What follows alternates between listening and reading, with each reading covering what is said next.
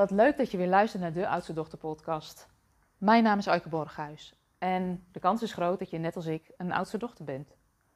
En in deze podcast wil ik graag met je stilstaan bij hoe vier jij je leven? Dus stel jezelf de vraag maar eens, hoe vier jij jouw leven? En als ik kijk naar de oudste dochters om me heen en mezelf ook, dan zijn wij niet van die enorme feestbeesten. We kunnen het wel, maar het zit niet van nature in ons, omdat we vaak ook best wel serieus zijn. Als ik kijk naar mezelf, dan heb ik de afgelopen jaren mijn verjaardag niet gevierd. Ik had er niet zoveel zin in. En de keer dat ik mijn feestje wilde vieren was op 15 maart 2020. En dat viel toen in de corona-lockdown, dus dat, uh, dat ging toen niet lukken. Ik heb het steeds laten gaan en ook gezegd, nou die feestjes vieren is voor mij helemaal niet zo belangrijk.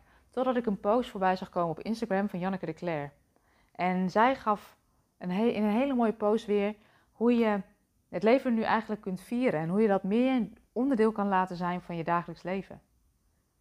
En op dat moment realiseerde ik me dat ik eigenlijk helemaal niet zo goed ben in het vieren van wat er goed en bijzonder is in mijn leven. Het leven vieren gaat dus niet over groot en meeslepend leven. En dat mag natuurlijk wel. Maar het gaat over stilstaan bij wat er is. Daar dankbaar voor zijn. Dat delen met de mensen die je dierbaar zijn. En wat mij ook opviel en wat het me iedere keer oplevert als ik de dingen wel vier, is dat het me even stilzet in het hier en nu. Dat ik stilsta bij wat er nu goed is. In plaats van bezig te zijn met wat er in de toekomst allemaal nog zou moeten gebeuren of kan gebeuren. Het patroon bij mezelf om niet zoveel te vieren of daar Ehm, niet zo bij stil te staan, besprak ik ook in mijn jaargroepen. Omdat ik benieuwd was van, goh, herkennen andere oudste dochters dat dan ook?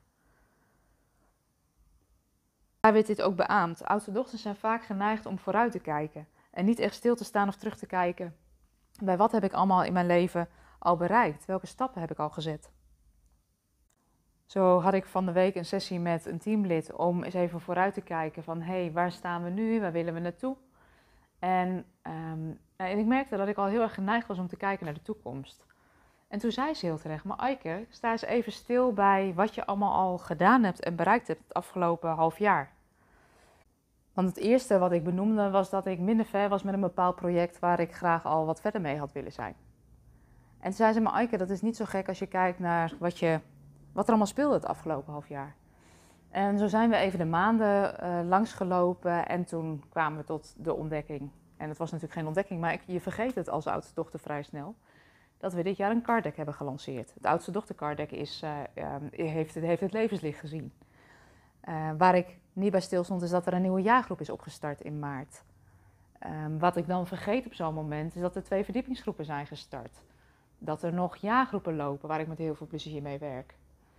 Maar wat er ook gebeurde, is dat er vrij plotseling en onverwachts een verhuizing uh, naar voren kwam. Omdat ik weg moest op mijn oude plek, op zoek naar een nieuwe plek. Dus dat betekende dat ik in een maand tijd een nieuwe werkplek moest vinden. Die moest ingericht worden, opgeknapt worden. Die, ja, die, die, die moest gerealiseerd worden dat dat is gelukt. Um, ja, en ze, ze drukte me wel heel mooi met mijn neus op de feiten. Zo van, ik kan kijken naar wat er niet is. Maar ze zei ook, had je iets anders kunnen doen om die doelen die je had te bereiken? En toen dacht ik, nee, want ik, ik heb gedaan wat ik kon. Um, ik heb de afgelopen periode nog steeds podcast opgenomen. Ik heb nog steeds blogs gemaakt. Ik heb heerlijk gewerkt met klanten. Ik heb daarbuiten tijd ook gemaakt voor familie en vrienden. Um, dus ja, dan kan ik wel eens een beetje kribbig op mezelf worden. Uh, dat perfectionisme wat naar boven komt, die lat die hoog ligt. En de boog kan gewoon niet altijd gespannen zijn. En het hielp ook even om hierbij even bij stil te staan. Om te kijken wat is er allemaal al wel gebeurd. Wat heb je allemaal al wel gerealiseerd. En ook de manier waarop je dat doet. Dus we zijn daarna ook aan het kijken geweest van... Goh, weet je, hoe wil je nou dat het komende half jaar eruit ziet? Hoe wil je je nou voelen? Hoe wil je nou ja, vieren wat er, wat, er, wat er zo fijn is? En toen zei ik ook, ja weet je, ik zou het heel fijn vinden... om gewoon met alle mensen met wie ik de afgelopen periode heb samengewerkt... met ja, die me dierbaar zijn, waar ik, eh, die me hebben geholpen. Ik zou daar gewoon een feestje voor willen organiseren. Gewoon om te vieren dat het kan.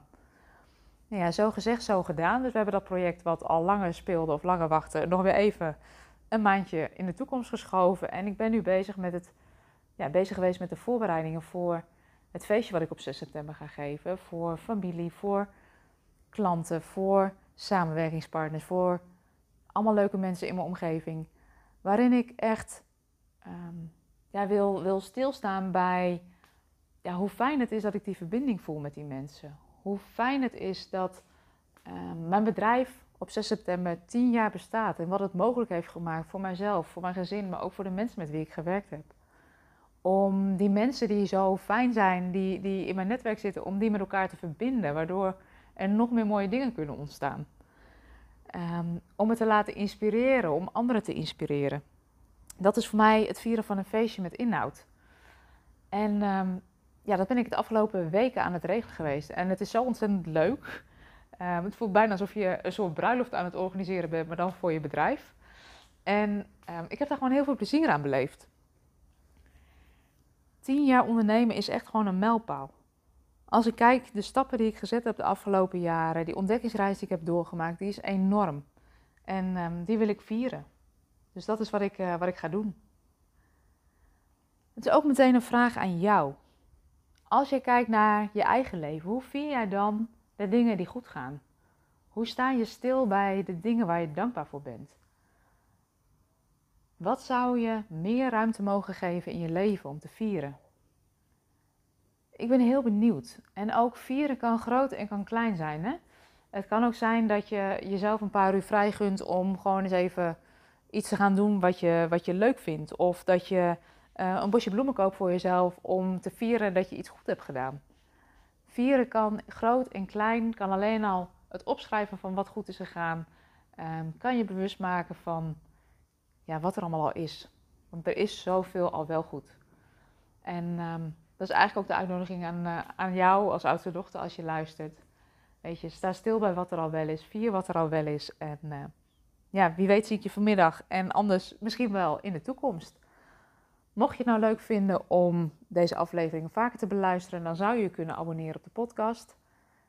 Dan krijg je een berichtje als er een nieuwe aflevering online staat. En um, nou ja, ik wil je gewoon een hele fijne dag wensen. En uh, ik ga vandaag een feestje vieren, dus tot de volgende keer.